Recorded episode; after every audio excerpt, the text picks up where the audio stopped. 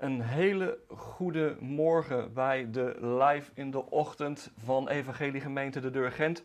Vandaag gaan we uh, weer een aantal leuke dingen doen. We gaan vandaag uh, sowieso even een stuk lezen uit de Bijbel. En zoals ik al heb aangekondigd, ook in uh, de titel, dan zie je staan dat we het gaan hebben vandaag over geloofszekerheid. Wat is nou eigenlijk geloofszekerheid? bestaat dat überhaupt wel? En wat dan iets anders is wat we ook nog gaan doen vandaag, is we gaan ook uh, een speciale gast in de uitzending halen. Dat is uh, Marvin Westbroek. Die gaan we straks iets later in de uitzending gaan we die erbij halen.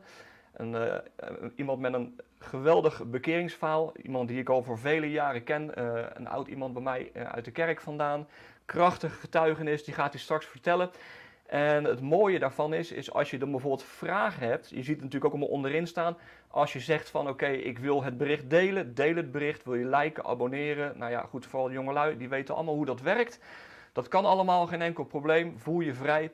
Ook als je bijvoorbeeld gebed nodig hebt, zet het gerust ergens in uh, de commentaren. Als het goed is, moet ik het er voorbij zien komen. Kan ik het desnoods nog in de uitzending halen. Maar ook als je straks vragen denkt te hebben, aan uh, bijvoorbeeld Marvin over zijn getuigenis of over het onderwerp geloofszekerheid, dan uh, voel je vrij om die gewoon rechtstreeks te stellen. Dan, dan kunnen wij daar gewoon ook hopelijk antwoord op geven. Maar sowieso willen we eerst beginnen, voordat we gaan beginnen met het, uh, met het getuigenis van Marvin straks, wil ik eerst even heel kort gaan kijken naar onze Bijbeltekst. En die pak ik er even bij. En ik zeg even erbij, het kan zijn dat de livestream straks misschien wat uh, uh, haperig is. We zijn ontzettend bezig met het kijken naar de juiste manier om te kunnen livestreamen. Uh, met alle apparatuur die we hebben, uh, de internetverbindingen. Dus heb daar wat geduld mee. Romeinen hoofdstuk 8, vers 31 tot en met 39. En dan pak ik hem voor mezelf, pak ik hem daar ook even bij. Dat is dan een geweldige tekst. Uh, waarin Paulus spreekt. En dan zegt hij de volgende woorden: Wat zullen wij dan van deze dingen zeggen? Als God voor ons is, wie, dan zal, wie zal dan tegen ons zijn? En hoe zal hij, die zelf zijn eigen zoon gespaard, of niet gespaard, maar voor ons alle overgegeven heeft, ons met hem ook niet alle dingen schenken? Wie zal uitverkorene Gods beschuldigen? God is het die rechtvaardigt. Wie zal veroordelen? Christus Jezus is de gestorvene wat meer is, de opgewekte die ter rechterhand Gods is en die ook voor ons pleit. En dan een onwijs mooie tekst. Wie zal ons scheiden van de liefde van Christus? Verdrukking of benauwdheid? Uh, vervolging of honger of naaktheid of gevaar of het zwaard. Gelijk geschreven staat, om uwentwil worden wij de ganse dag gedood. Wij zijn gerekend als slachtschapen. Maar in dit alles zijn wij meer dan overwinnaars. Is een hele bekende tekst natuurlijk door Hem die ons heeft liefgehad.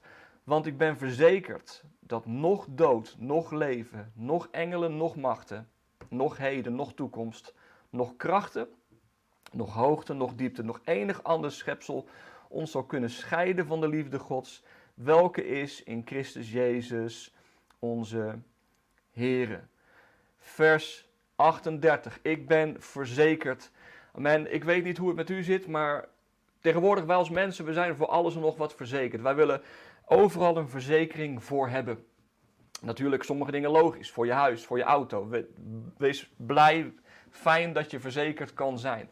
Maar ik las ook wel eens van uh, verzekeringsmaatschappijen die je kunnen verzekeren, bijvoorbeeld uh, voor het uh, neerstorten van een satelliet op jouw huis of een meteoriet die op jouw huis of op jouw auto komt. Nou, dat zijn natuurlijk ontzettend kleine kansen. Verzekeringen zijn op zich mooie dingen, maar vooral die verzekering waar Paulus hierover spreekt. Die verzekering waar Paulus over spreekt is een verzekering van het geloof. Hij zegt: Ik ben verzekerd dat niks mij kan scheiden van de liefde van God. Dus hij heeft het over een geloofszekerheid. Een zekerheid die alle andere zekerheden te boven gaat, zou je bijna kunnen zeggen. Hij heeft het over een zekerheid waarvan hij zegt van ik ben gewoon echt ten volle, voor de 100% ben ik overtuigd dat ik gered ben, dat ik, uh, uh, dat ik de hemel ga halen, dat niks mij kan scheiden van de liefde van God. Nou, daar wil ik vandaag naar gaan kijken, naar die geloofszekerheid. We gaan straks, uh, gaan we Marvin Westbroek gaan we, in de uitzending halen. Maar voordat we dat doen, gaan we even kort doen we even een liedje tussendoor. Amen. En ondertussen haal ik hem in de uitzending. En dan gaan we straks gaan we luisteren naar het getuigenis van Marvin. Ontzettend krachtig getuigenis. Ik, ik heb zijn getuigenis gehoord natuurlijk, vele malen. Ik heb hem zien veranderen. Ik heb natuurlijk al die dingen meegemaakt vanaf het begin van zijn bekering tot waar hij nu is. Amen. En het is een ontzettend krachtig man van God. En ik ben ontzettend blij dat hij zo te even in onze uitzending komt. Dat hij daar tijd voor wil vrijmaken. Zo even op de, op de vroege ochtend, even tussen neus en lippen door dat ik hem benaderde. En hij was gewoon gewillig om dat te doen. we gaan er zo bij halen. Maar ondertussen gaan we eerst even kort luisteren naar een leuk lied inderdaad. En dan uh, halen we hem er zo meteen bij.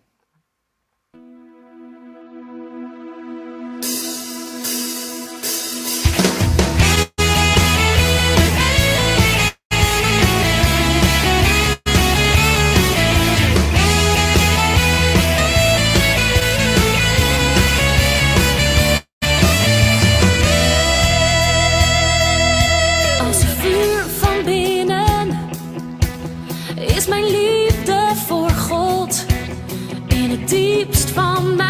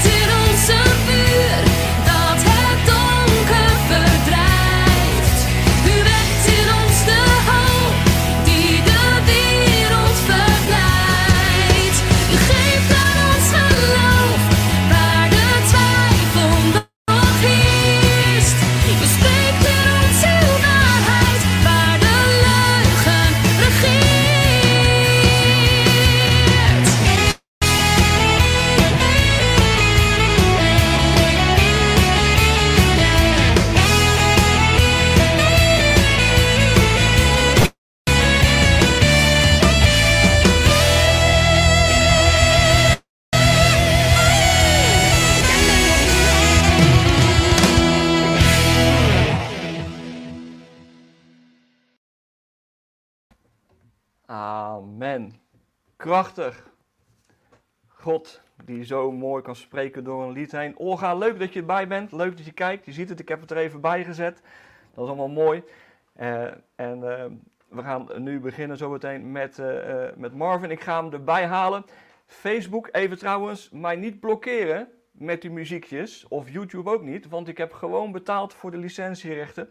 En dat is ontzettend mooi dat je dat kan doen. Maar het leuke is, dan betaal je daarvoor. En dan, uh, dan over het algemeen blokkeren ze nog steeds je geluid omdat ze zeggen dat je er niet voor betaald hebt. Nee, wij zijn netjes, we hebben daar gewoon voor betaald.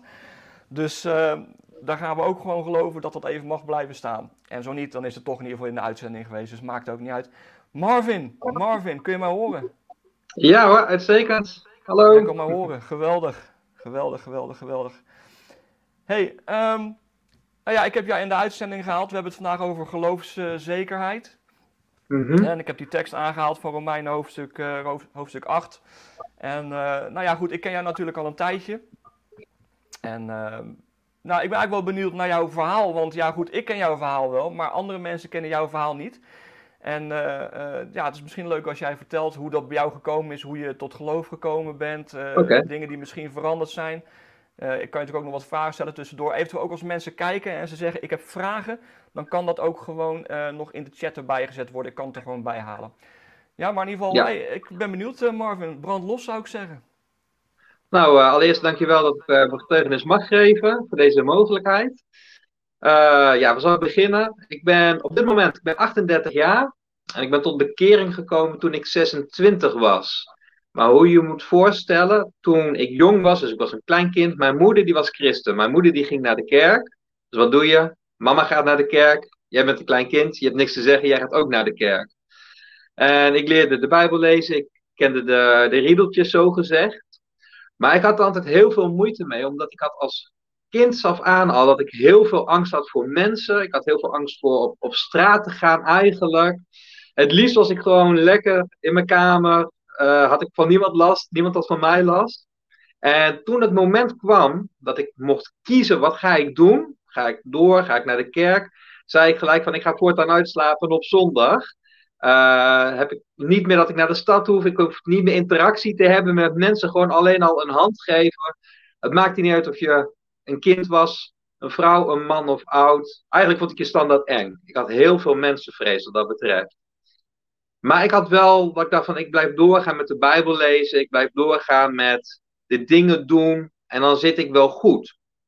En het probleem hierin is dat, ik heb net aangehaald, ik had heel veel mensenvrees. De enigste mensen waar ik eigenlijk contact mee kon hebben, waren mijn ouders. Mijn vader en mijn moeder. En dit zorgde ervoor dat er een enorme eenzaamheid was. Ik had geen vrienden. Ik, ik kon geen vrienden maken. En doordat ik zo eenzaam was, mijn ouders, mijn vader en mijn moeder, die hadden een hele belangrijke rol in mijn leven. En toen kwam er dus een moment dat hier ben ik en mijn moeder die kreeg kanker. Ze kreeg een, uh, een tumor bij de alvleesklier. Dus het enige wat ik had, waar ik naar opkeek, waar ik mij kon uiten, dat viel opeens weg. Dat brokkelde zomaar af. En ik had, vroeger had ik altijd al gezegd van ik blijf leven zolang als dat mijn ouders leven. Ik kan niet leven als mijn ouders er niet zijn. Dus ik dacht van als beide ouders, mijn vader en mijn moeder sterven, ja, dan heeft het leven voor mij geen zin meer. Dan, dan moet ik er maar gewoon mee stoppen, want ik kan niet anders.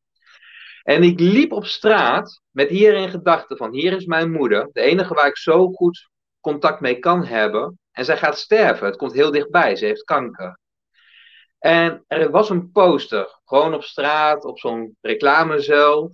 En daarin stond dat God een wonder kon doen. Dat God geen mensen kon genezen. En ik had natuurlijk wel de achtergrond van de Bijbel, van vroeger van de kerk, waar ik eigenlijk al nooit echt iets meer mee gedaan had. Maar er stond een e-mailadres en ik dacht, ik ga in contact treden met deze voorganger. En ik ga vragen van, wil je bidden voor mijn moeder? Nou, deze man die had toen mijn, mijn e-mailadres, dat ben jij trouwens. Uh, en, en ik kreeg continu uitnodigingen. hey, kom eens naar de dienst. Kom eens naar de kerk. En ik had zoiets van, nee, dat is, dat is allemaal niet de bedoeling. Bid ja, jij maar voor mijn moeder. Hè, Marvin? Ja, ik, ik werd kapot gespamd. Opeens ik kreeg uitnodigingen van dit en dat. Geef nooit je e-mailadres. dat, uh, bij deze dus. En toen op een gegeven moment, weet nog goed, het was een woensdag. En ik was alleen, ik was depressief, zoals ik eigenlijk heel vaak al was. En ik dacht, wel, weet je wat ik ga doen? Ik ga eens naar die kerk, waarvan ik steeds uitgenodigd word. En ik verzamelde al mijn moed. En ik dacht, ik ga er naartoe. En ik ga gewoon zitten. Ik ga gewoon kijken wat er nou gebeurt. En daarna ga ik gelijk weer weg. Nou, dat ging. En om een lang verhaal toch een beetje in te korten. Wat er gebeurde was eigenlijk na de dienst werd er, was er een oproep. En wat er verteld werd was dit. Jezus Christus, hij is aan het kruis gestorven. Oké, dat weten we. Jezus Christus, hij leeft. Hij is opgestaan uit de dood. Maar wat ik hierin hoorde was van, als dat allemaal echt is, en het woordje als, dat, dat trok mij, dan moet je Jezus ook echt kunnen leren kennen. Hij houdt van jou, hij wil een relatie met je, hij wil een vriendschap met je. En dat trok mij, want ik was ontzettend eenzaam. Ik had geen vrienden. En ik had wel een achtergrond, maar ik was niet bekeerd. Weet je, ik kende de theorie wel enigszins, maar ik had het nooit in de praktijk gebracht van de Bijbel. En ik ging bij mezelf nadenken van dat klinkt heel logisch. Als Jezus Christus echt leeft, als hij echt God is, dan moet ik hem ook echt kunnen leren kennen. En ik dacht heel opportunistisch, van dan heb ik eindelijk nog iemand, dan ben ik niet meer zo eenzaam. Ik heb een vriend, en die vriend is ook nog eens een keer God, dus dat kan ook heel voordeeltjes opleveren. Nou ja, ik ging gewoon bidden. Ik zei, oké, God, hier ben ik. Kom in mijn leven. Vergeef mij van mijn zonden. En er kwam geen aardbeving of iets waar ik stiekem op gehoopt had. Maar wat er wel gebeurde was dit. Jezus Christus, hij kwam in mijn leven. En in Psalm 68 kun je lezen over hoe God eenzamen in een huisgezin doet wonen. Ik kan je vertellen, mijn eenzaamheid is volledig weggehaald. Mijn angst voor mensen, mijn angst om te spreken, mijn angst voor straat, ik ben er volledig van vrijgezet. Ik heb nu zelfs een vrouw ik ben getrouwd. Ik heb drie kinderen. Ik heb vrienden. Ik ben vrijgezet van mijn depressie. Jezus Christus is realiteit. Uh, mijn ouders zijn inmiddels allebei overleden. En er is nooit een gedachte in mij geweest van, zoals ik vroeger altijd zei, als mijn ouders sterven, dan maak ik er een eind aan. Ik kan gewoon een hoop halen uit Jezus Christus. En ik weet, ik ben overtuigd, wanneer ik kom te sterven, dan ga ik naar de hemel. Niet op grond van wie ik ben of wat ik doe, maar puur door Jezus Christus, zijn liefde en de realiteit in zijn bestaan. En dat is uh, mijn getuigenis. Ja, dat is, dat is mooi inderdaad om te horen. Want ja, goed, ik heb jou dan natuurlijk meegemaakt hoe je was en hoe op een gegeven moment al die dingen veranderden. En jij zegt ook inderdaad van uh, op een gegeven moment, uh, in het begin waren jouw ouders eigenlijk jouw zekerheid. Ja, en, ja. en en laten we eerlijk zijn, het is, het is mooi dat we op onze ouders kunnen bouwen. Dat is, uh, dat is heel mooi en dat is ook belangrijk, denk ik. Ik bedoel, uh, we mogen ze ook absoluut niet, uh, niet achterstellen of zo.